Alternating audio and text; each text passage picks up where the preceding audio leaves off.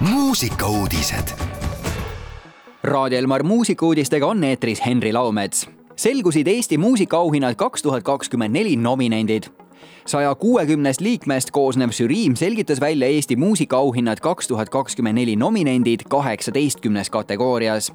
enim nominatsioone sai viies kategoorias Aalika, neli nominatsiooni teenis Bedwetters ning kolmes kategoorias paistsid silma Mari Kalkun, Anett ja Fredi ja Villem Trillem Eesti muusikaauhinnad kaks tuhat kakskümmend neli võitjad selguvad esimesel veebruaril Univet Arenal suurejoonelisel galal Eesti muusika aastasündmusel astuvad üles paljud tuntud artistid ning õhtut juhivad Birgit Sarap ja Stefan. auhinnatseremoonias teeb otseülekande Kanal kaks algusega kell pool kaheksa õhtul Daniel Levi kuulutas abikaasale pühendatud albumi puhul välja sõbrapäevakontserdi.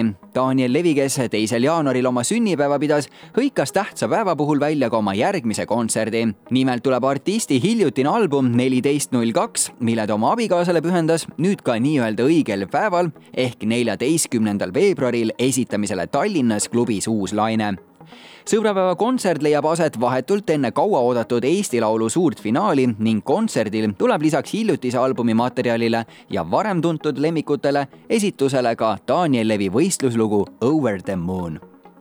ja lõpetuseks Roderick H ja Liana Zeigo avaldasid uue laulu Eesti muusikaprodutsent Roderick H avaldas üheksandal jaanuaril koostöös laulja Liana Zeigoga uue singli pealkirjaga Soojust ja värve tegemist on minimalistliku, üheksakümnendate stiilis miksitud tantsulooga.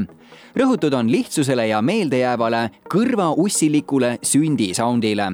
samas ei puudu laulust ka tantsumuusika fännide rõõmuks ka korralik bass house beat soojust ja värve, tekst ja viis valmisid kahe tuhande kahekümnenda aasta kevadel, kurikuulsal koroona kevadel. enne seda olid olnud huvitav talv ja sügis, huvitavad selle poolest, et nad nägid ühtemoodi hallid välja. talv oli nagu sügis, sügis oli nagu sügis ja kevad oli nagu sügis. nii see tekst sündiski muusikaautorid on Ragnar Häide ja Liana Seigo, sõnad kirjutas aga Liana Seigo head Raadio Elmar kuulajad, meie tänasesse päeva annabki särtsu juurde uus laul nimega Soojust ja värve. Mõnusat kuulamist.